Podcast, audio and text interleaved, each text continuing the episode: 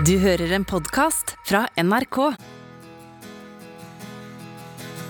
Tidenes norske frontfigur er død. Hank, Hertis, Hans Erik er gått ut av tiden. Hank von Helvete fronta Turboneger i 17 år og sto fremst på scenen med stokk, flosshatt, kølsvart øyensminke og rumperaketten sin.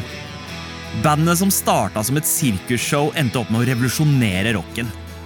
Og Hank von Helvete var sirkusdirektøren som sprøyta liv i sjangeren og skapte et engasjement verden ikke hadde sett maken til på lenge.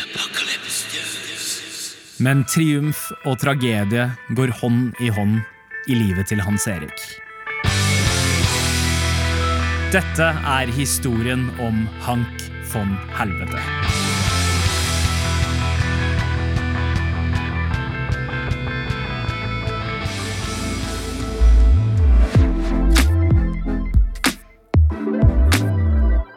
Velkommen til Musikkrommet. Jeg heter Sandeep Sin.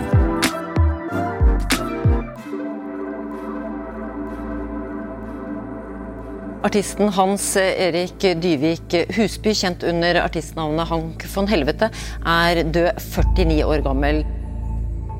Da jeg fikk beskjeden om at eh, Hank var eh, død, så var det som om tida sto stille. Jeg ble sendt eh, 15 år tilbake i tid, eh, til en periode jeg tilbrakte veldig mye tid med Hans Erik. Og til samtalen med en veldig sårbar og fin fyr, og til utallige konserter med en hysterisk bra frontmann. Håkon Mosleth er tidligere musikkjournalist og forfatter, og har skrevet boka Turboneger sagaen om denimfolket. Hvordan er det du eh, kommer til å huske Hank? Jeg vil huske han som uh, Turbonegers ansikt og stemme. En fyr som eh, eide scenen, men som ikke alltid eide livet.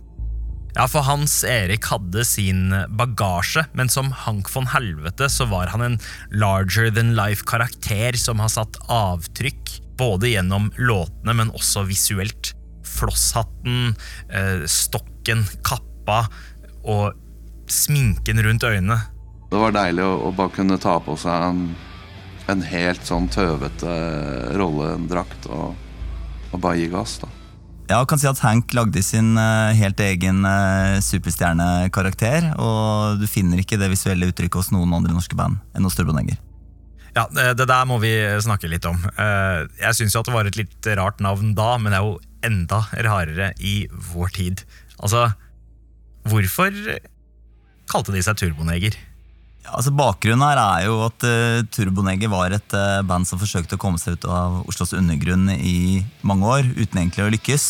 Og de var i opposisjon til, uh, til alt og alle, og ikke minst til den politisk korrekte punkscenen som de selv kom fra. Og så dyrka de negativitet. De ønska å være slemme, kanskje nesten like slemme som black metal-banda på den tida, som de så veldig opp til, men uten å være black metal-band. Og så hadde de masse humor.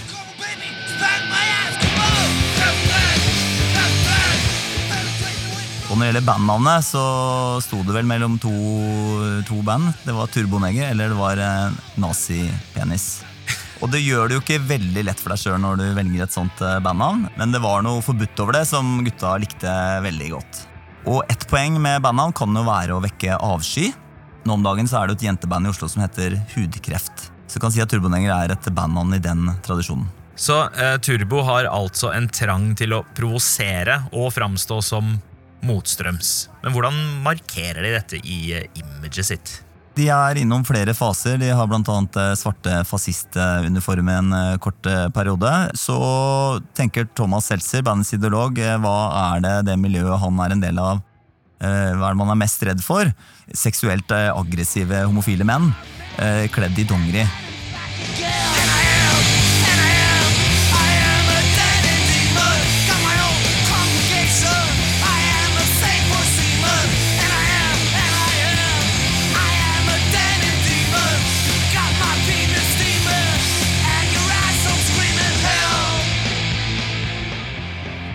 det blir eh, den nye retningen for, eh, for Turboneger. Og parallelt så skriver han en låt som heter Denim Demon.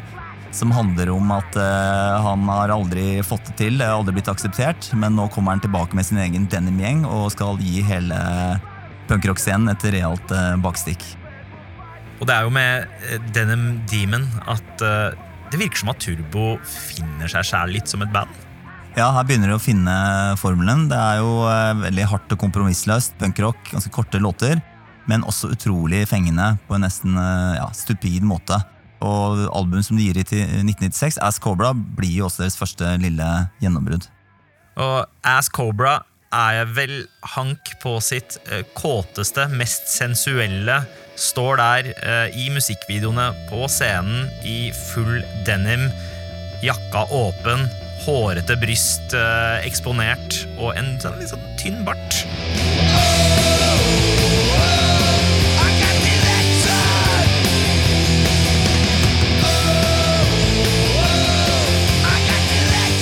Ja, det er veldig drøy, eh, drøy stil. Eh, Han poserer jo også med en, en stor slange på coveret, helt naken. Så det er mye greier som skjer her. Live så er jo rumperaketten også i ferd med å komme inn i showet. da. Hva er rumperaketten?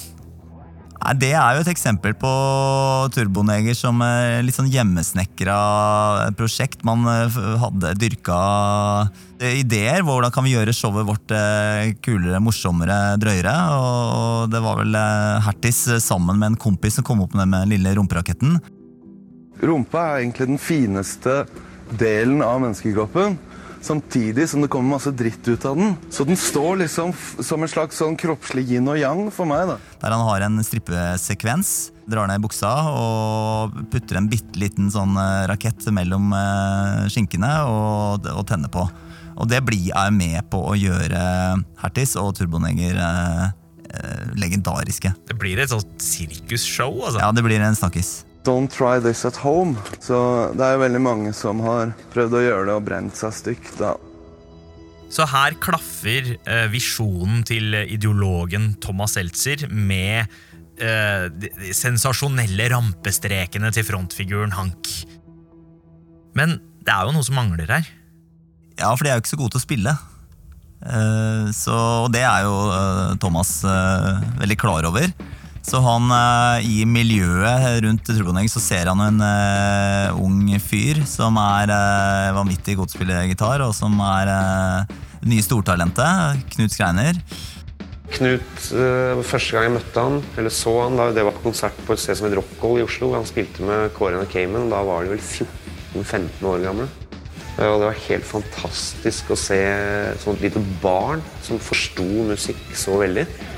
Han blir etter hvert en del av eh, Turbo-klanen, blir med de på turné. Og så skriver de en låt som heter Prince of the Rodeo, som Knut spiller på, som har et åpningsparti som er helt umulig for de opprinnelige gitaristene til Turbo å spille.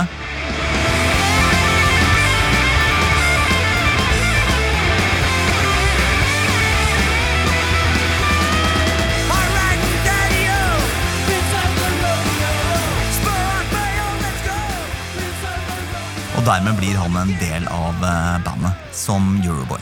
Og introduseres da med Prince of the Rodeo. Endelig skjer det ting med Ass Cobra. Det blir en eh, turné, og Turbo samler flere og flere fans, både innenlands og utenlands, med alle disse spillejobbene. Ja, Fram til nå har de jo gjerne spilt for eh, 30 stykker, eh, 50 stykker, 8 stykker. Nå begynner det kanskje å noen kvelder runde 100 mennesker. Eh, De begynner å få et navn i, i undergrunnen, og med Euroboy på laget så er det noe, eh, det er noe nytt på gang da, og, et, og et potensial. Og det hører nok også med til historien at de begynner å bli litt lei av å være blakke, av at Turbo er et tapsprosjekt eller et uh, nullsumspill. De begynner å bli litt klar for et rockestjerneliv og kanskje komme seg ut av vanen og inn i noe som er litt mer komfortabelt når de er på turné. Men samtidig, mens de er på turné, så lever de jo som om de er rockestjerner.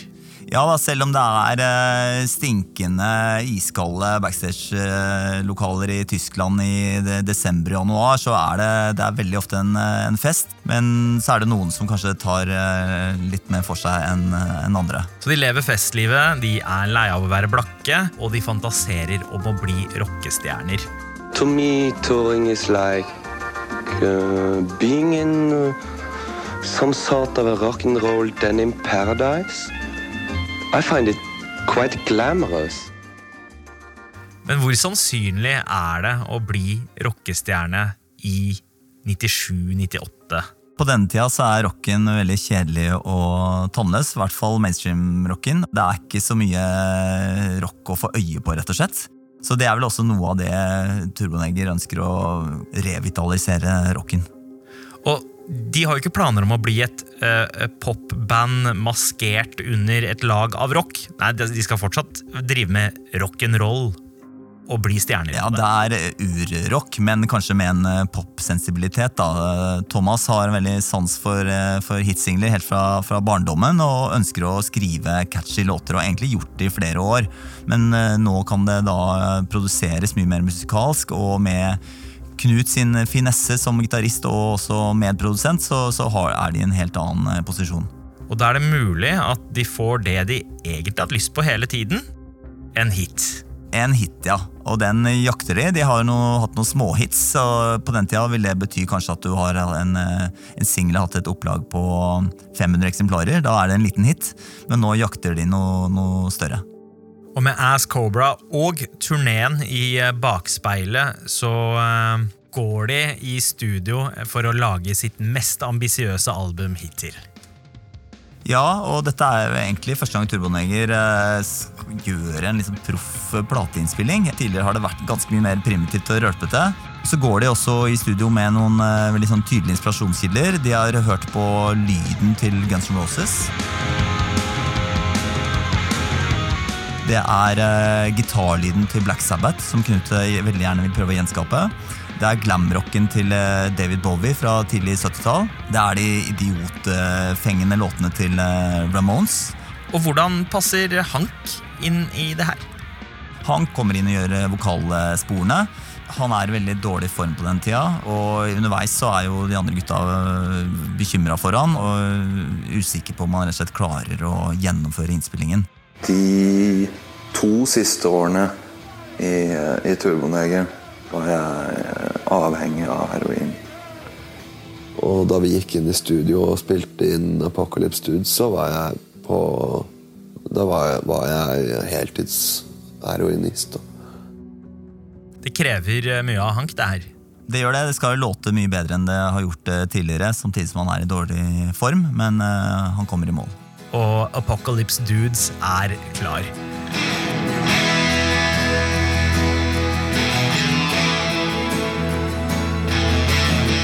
Og åpneren på plata, det første man hører, er kanskje det jeg anser som den mest perfekte åpneren av en plate noensinne.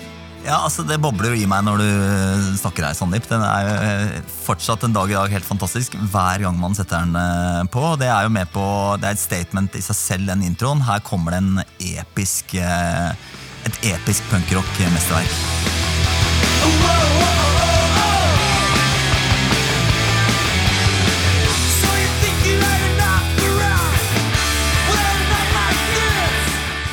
Så på det musikalske så har Turbo utvikla seg ekstremt. Hva er det som skjer når den treffer norske ører for første gang i februar 1998? Det, det, var jo nesten sjokkerende å høre Apocalypse Dudes for første gang. Jeg trodde jo ikke det var uh, mulig. Jeg var jo fan av uh, liksom, fengende hardrock og glamrock fra 70- 80-tallet, og på den tida var det ganske forbudt område. Så kommer denne skiva, som er altså med vanvittig mye bra refrenger og gitarspill. Og I tillegg så har den en sånn eh, friskhet og en her og nå-følelse som gjør at jeg som ung musikkjournalist da gikk fullstendig i fistel.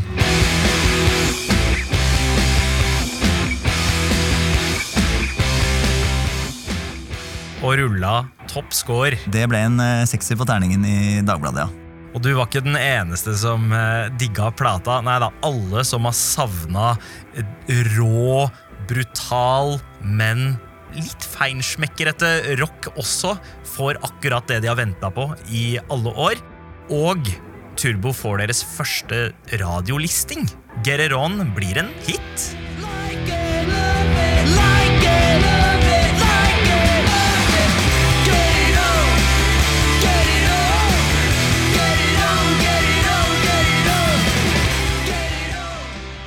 Snakker vel en liten P3-hit den gangen, og også rundt på litt radiostasjoner rundt i Europa.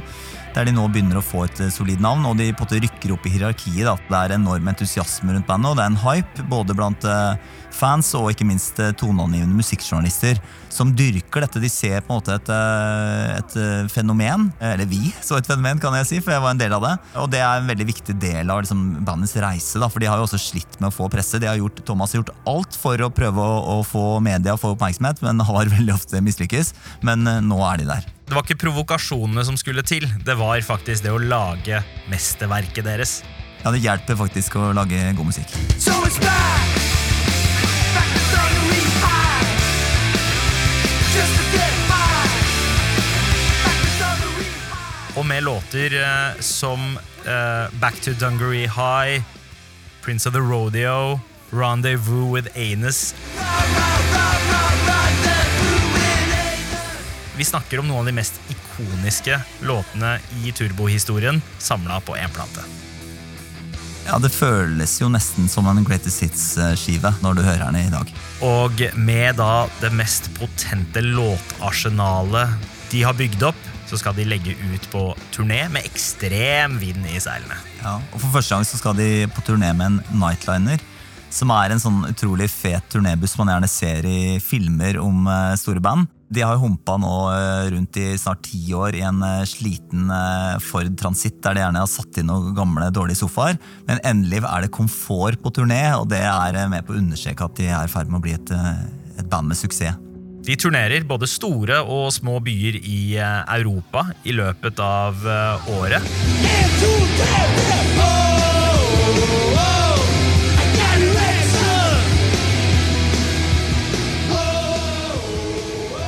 Men Hank, som var tydelig sjuk og sliten under innspillingen av plata, han har det vel ikke akkurat så mye bedre nå. Nei, det er én ting her i Turbo som ikke er som det skal være. Det er at eh, Hank er i veldig dårlig form. Han har jo ofte hatt litt triste øyne, men nå er han eh, bleik og fåmælt i turnébussen og har innhull i kinn. Og når det kommer til Milano i starten av desember, så dukker han ikke opp på lydsjekk. Og det er første gang siden han blei med i bandet seks år tidligere. Det er et veldig dårlig tegn. følte at det, at det var et slags vendepunkt. Da. Før det har jeg alltid følt at jeg på en måte klarer å hente meg inn og gjøre konserter. Og, og liksom sånn. Men det var et sånn tydelig signal fra oven om at nå går det gærent. liksom, og Nå går det skikkelig gærent. Og, Og så er gutta ute og spiser middag før, eh, før konserten. eh, og da under middagen så dukker en eh, barbeint Hank opp. Han sier ikke et ord, men han har en lapp der det bare står 'Jeg må på sykehus'. Hank blir kjørt til sykehus i Milano, og Turbo står da uten vokalist. Ja, og Thomas er med da på dette psykiatriske sykehuset i Milano. Han skjønner at dette går ikke lenger. Hertis er ikke, han er overhodet ikke i form til å være sanger i Turboneger, og der og da bestemmer han seg for at eh, Turboneger er eh, historie. Så de som ble spådd til å bli rockens eh, redningsmenn, måtte rett og slett henge denimjakka på hylla og eh, gi opp nesten før de i det hele tatt kom i gang med jobben. Hans Erik er eh, innlagt. Jeg fikk rett og slett en del eh, endringer i, i den psykiske helsa mi. Som gikk mer på hallusinasjoner, eh, syn- og hørselshallusinasjoner og, og sånn. Og da var det helt umulig for meg å, å, følge, å fokusere og konsentrere meg om hva jeg gjorde. Å holde konsert var som å bære tømmelass. Og hvordan går det med han etter dette? Det går jo ikke spesielt bra, men eh, det han gjør er jo å flytte nordpå. Eh, Komme seg så langt unna punkrock-scenen og da narkomiljøet i Oslo som mulig. Hans Erik er jo nordlending. Flytter hjem til sine gamle besteforeldre. Og på kvisten der i Å i Lofoten. For de som har vært i Lofoten, så er jo det der eh, veien ender. Da er det bare havet på utsida. Du har Værøy og Røst, men eh, der slutter veien. Og det gjør den jo på et vis for eh, Hank også. Ja, det er jo litt sånn eh, verdens endefil der oppe. Men Hank er altså tilbake der det hele begynte, og stedet som formet mye av den personen Hans Erik var. Han er nordlending, hadde lærerforeldre. Veldig Vokste opp i et musikalsk hjem. Men så veldig tidlig i livet hans så skjer det noe som kommer til å prege han egentlig eh, alltid. Og det er at han mister moren, og det skjer på hans egen eh, seksårsdag. Og fra da av så har egentlig Hans Erik eh, Han har det ikke helt lett. Han har mye mørke tanker som, som han må bearbeide og, og, delvis flykte fra. Og på den måten så kommer også rus veldig tidlig inn allerede fra sånn eh, 12-13-årsalderen. Han viser tegn til depresjon på barneskolen, og det hele forverres med all flyttinga. Ja, Når moren dør, så forsvinner stabiliteten og de trygge rammene som eh, et barn eh, trenger. Eh, Han går på veldig mange forskjellige skoler, og faren får nye samboere. Sånn at det er en utrygg oppvekst. da. Eh, Og Det er egentlig først når han eh, kommer seg, eh, kommer seg vekk og som 16-åring flytter til Oslo og, og et, blir en del av Blitz-miljøet, at han begynner å finne sitt miljø, og, og, og livet begynner å bli ålreit. Mm. Blitz, dette okkuperte huset i Oslo sentrum som lokker til seg eh, radikale ungdommer og annerledestenkende kids, rett og slett. Der er det jo bare outsidere, så der føler han seg hjemme. Og Hans Erik er en veldig kunnskapsrik og sjarmerende og veltalende fyr. Eh, som gjør inntrykk på omgivelsene. Og her får han eh, Dette blir hans nye hjem. Han får seg kjæreste, og det er mye som er bra. Og han kommer seg inn i Radio Rakel, som er eh, feministradioen som holder til på loftet i Blitzhuset. Og der eh, møter han jo en fyr, han får en kollega, som eh, også har en side job. Ja da, det er en kar der som heter Harald Fossberg, som er eh, ti år eldre enn eh, Hans Erik. Og han synger da i et band som heter Turboneger. Men han har fått barn og eh, skjønner at dette beinharde punkrock-livet det funker ikke lenger. Og, så ser han denne veldig sjarmerende, veltalende fyren som er, han synes er genial på radio. Han må være den nye sangeren i, i Turbo. Så han foreslår han videre til, eh, til Thomas Seltzer og de andre Turbo-gutta. Og det uten å ha hørt uh, Hertis på scenen noen gang. Han syns han bare er så flink til å snakke. Så denne følsomme eh, fyren tar på seg da en drakt av selvtillit og drar på en slags audition for å bli den neste vokalisten i Turbo. Det gjør han, og eh, Seltzer og de andre gutta lar seg imponere av denne fyren og syns at han har en eh, X-faktor. Og På slutten av denne første øvinga så spør Thomas ja, hva har du lyst til å få til. da? Og da svarer Hank at han har lyst til å kjøre limo og bli rockestjerne. Med Hank så blir Turbo en eh, liveattraksjon. Um, Det er jo et eh, fast høydepunkt, det her med rumperaketten. Og helt tatt eh, Hertie sin framtoning. Han er en karismatisk fyr. Han er eh, utrolig flink til å snakke mellom låtene og er også en veldig kul punkrock-vokalist.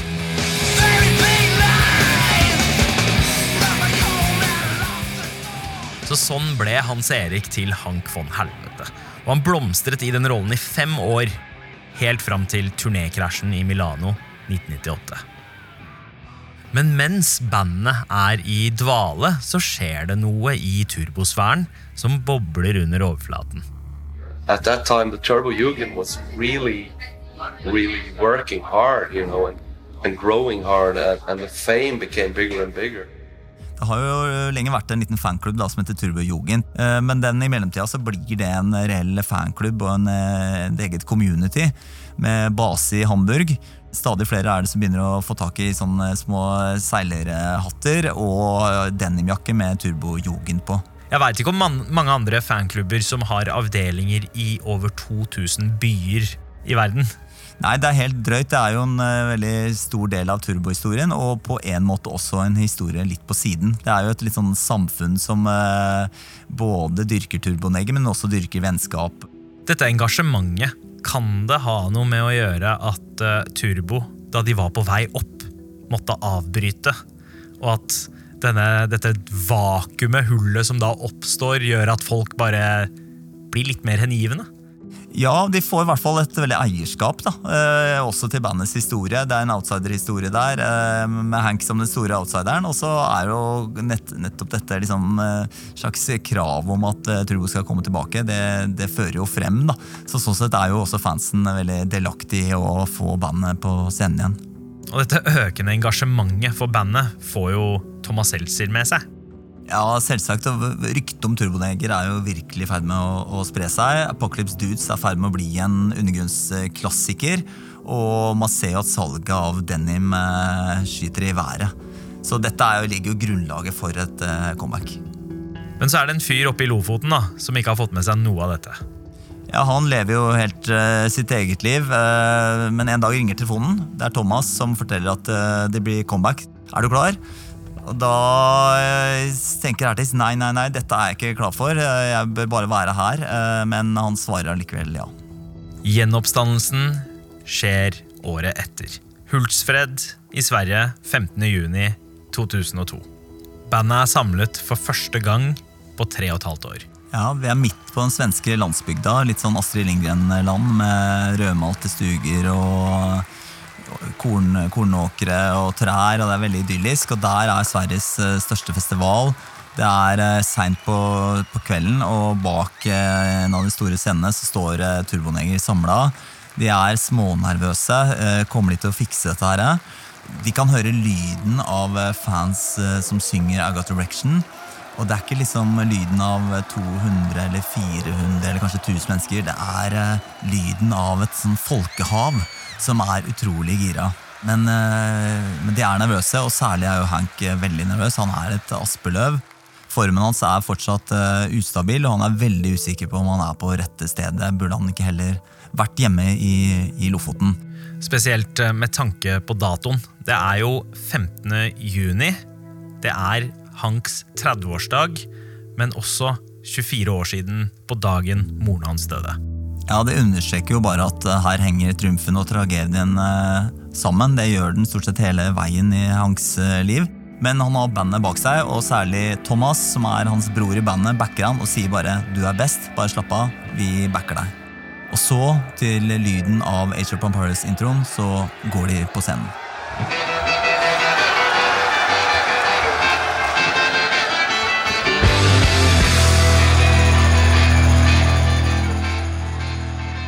Hank eh, føler eh, varmen fra publikum, og de synger bursdagssang til han. Det er eh, tross alt hans bursdag. Og så forteller han om den tøffe kampen for å komme tilbake og for å overleve. En jævlig vanskelig kamp. For livet, for fansen, for rocken har jeg kjempet og kjempet og kjempet. Og nesten dødd og overlevd og nesten dødd og overlevd. Men én ting har holdt meg oppe. Fingerpuling.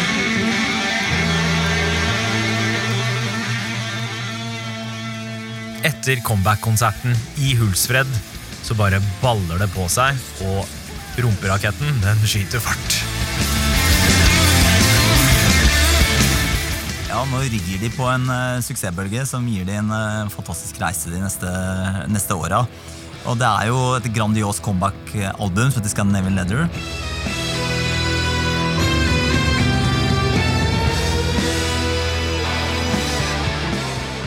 De turnerer med stor suksess, er en, en headliner på veldig mange store festivaler.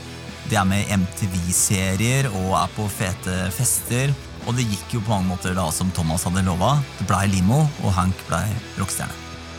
Og de blei jo en del av den store populærkulturen også. Musikken deres ble brukt i Jackass, MTV-fenomenet og Bam Margeras eh, spin-off-program. Var med i filmer som Fritt vilt, eh, reklamefilmer, og turneene ble bare større og større. Publikummet ble større og større, og ambisjonene i musikken også. Større og større.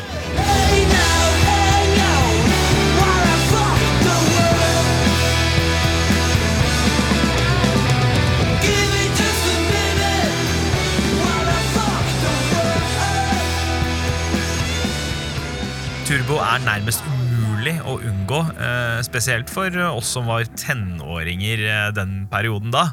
Men de fikk jo oppmerksomheten til eh, flere generasjoner. Ja, er, eh, de går av scenen på Roskildefestivalen etter å ha spilt for eh, fullpakka telt, 20 000 mennesker. og Da kommer det bort en eh, svær kar. Knut tror først at det er en fyr fra Hadeland MC som har rota seg inn backstage. Han er utrolig blid og åpenbart begeistra for konserten. Og når han kommer helt nærme, så ser du at det er James Hetfield fra Metallica som gjerne vil ta bilde med gutta, og som er åpenbart fan. Wow Ja, flere gamle legender, bl.a. Uh, frontfiguren til uh, punkelegendene Dead Kennedys, som har uttalt at Apocalypse Dudes er den viktigste utgivelsen som har kommet ut av Europa noensinne. Ja, og Dette sier jo mer om Turbos storhet enn kanskje platesalget gjorde. For der nådde de aldri helt opp. Men når det gjaldt renommeet og Eh, det å, å knekke liksom, eh, koden for tidsånden, så var de veldig store.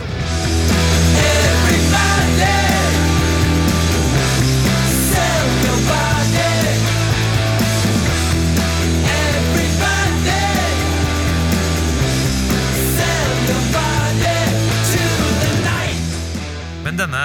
denne enorme bølgen som de nå rir, hvordan er det for Hank? drømmen om å bli rockestjerne er oppfylt. Hank eh, nyter det, for han elsker å stå på scenen, han elsker å få oppmerksomhet, og han har jo et eh, publikum i sin eh, hule hånd. Han er eh, utrolig morsom, utrolig drøy, og han videreutvikler jo denne Hank-karakteren. Og det funker egentlig på alt fra russefester til eh, norske festivaler til kred-publikum i, eh, USA. Så han, det, han, han nyter øyeblikket uten at han eh, kommer seg vekk fra alle de personlige problemene av eh, den grunn. Bandet er større enn noensinne og svever på det i noen år frem til ting begynner å visne. Ja, i 2010 så eh, er eventyret over. De går hvert til sitt. Turbo fortsetter, mens Hank eh, går inn i en solokarriere. Men likevel så klarer eh, Hank å få en plass hos folket på egen hånd?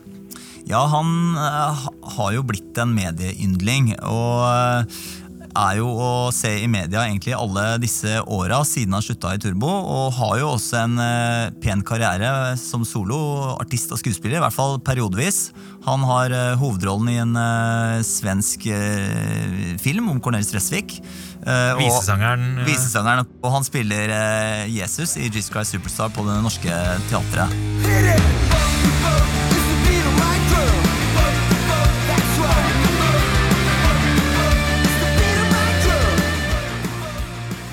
Han gjenoppliver jo eh, Hank eh, von Helvete som Hank von Hell i 2018 og bytter ut de svarte klærne og den svarte hatten med hvite. De siste åra har han jo da gitt ut to skiver som Hank von Hell, eh, og skulle jo nå ut på en stor turné i 2022. Eh, Men det blir det dessverre ikke noe av. Hva er det vi har mistet, Håkon? Vi har mista en utrolig fascinerende scenepersonlighet. Hans Erik hadde evnen til å røre folk og til å begeistre. I mine øyne så er han tidenes norske frontfigur. Han var født til å stå på scenen.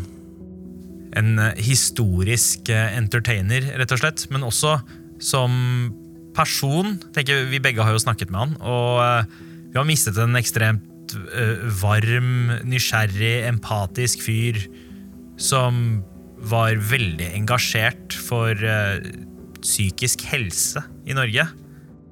Ja, han kjempa jo en eh, kamp eh, fordi at han hadde sett hjelpeapparatet fra innsiden. Og han ropte varsko om at her må det gjøres noe. Og det gjaldt i og for seg både rusomsorgen og psykiatrien. så han hadde det, det engasjementet så var han en fantastisk fyr å, å møte. Eh, hadde han vært her i dag, så hadde det gjort eh, dagen vår, eh, vår bedre. Han var en utrolig fin fyr på tomannshånd, og samtidig som han kunne nå ut til 20 000 mennesker også samme kveld. Hertis har satt sitt preg, ikke bare på alle menneskene han møtte som Hans Erik, men også tusenvis av fans over hele verden som kjente han som Hank. Han har lydlagt en hel generasjon og vil fortsette å fylle øra til alle som trenger noe fannivoldsk, småfarlig og hysterisk deilig rock'n'roll i livet sitt. Rest in power og rock in peace, Hank. Takk for laget.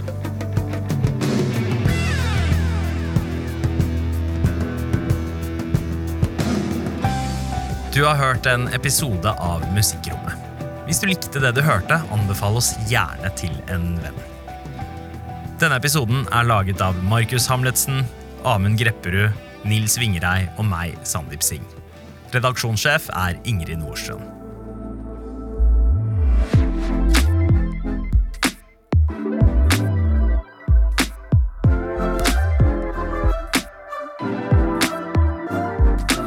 Du har hørt en podkast fra NRK. De nyeste episodene og alle radiokanalene hører du i appen NRK Radio.